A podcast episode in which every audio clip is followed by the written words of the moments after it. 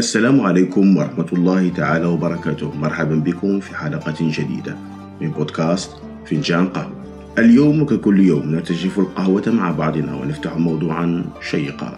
موضوعنا اليوم سوف نتكلم فيه عن مدمرات الزواج.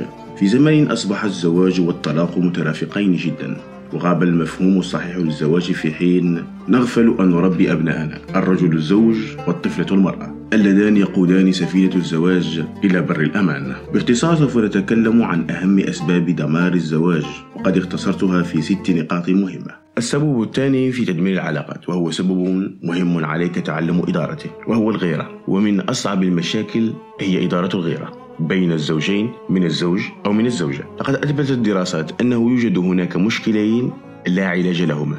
مشكلة توجد في الرجل ومشكلة توجد في المرأة. الرجل الرجل فيه مرض إذا أصيب به أو يوجد فيه من الصعب علاجه وهو بخل الرجل. فبخل الرجل لا دواء له. فإذا وجد رجل بخيل لا تتعب يا امرأة. فعلاجه شبه مستحيل.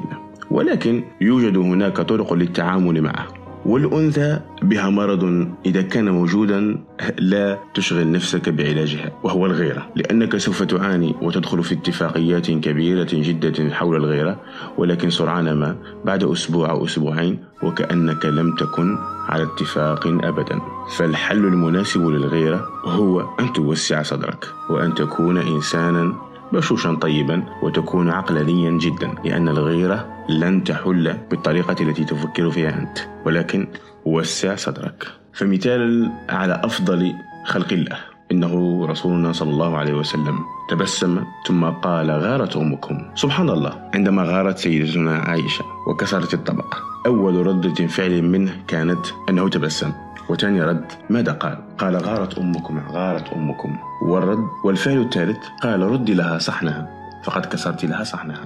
وفي قصة أخرى مع زوجة ميمونة بن الحارث عندما خرج من البيت وحين عاد في منتصف الليل لم ترد ميمونة أن تفتح له الباب. فقال افتحي افتحي حتى شهد على سيد الخلق. أناس كيف هذا؟ أجل رسول الله صلى الله عليه وسلم زوجته لا تريد أن تفتح له الباب.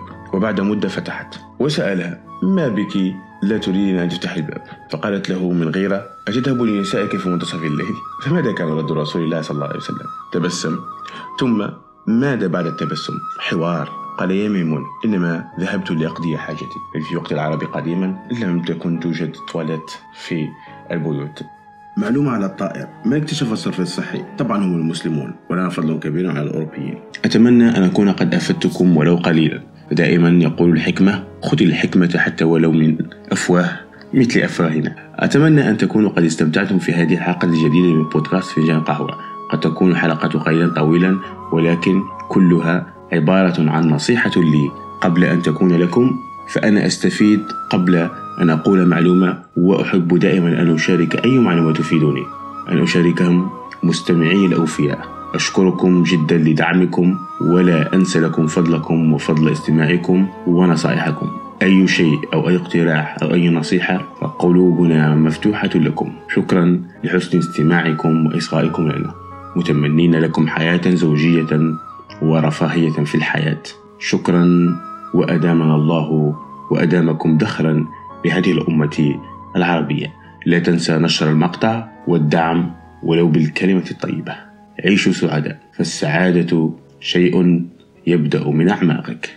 ولا تنسى فنجان قهوتك. فقد صار باردا. ارتجف بالصحة والهناء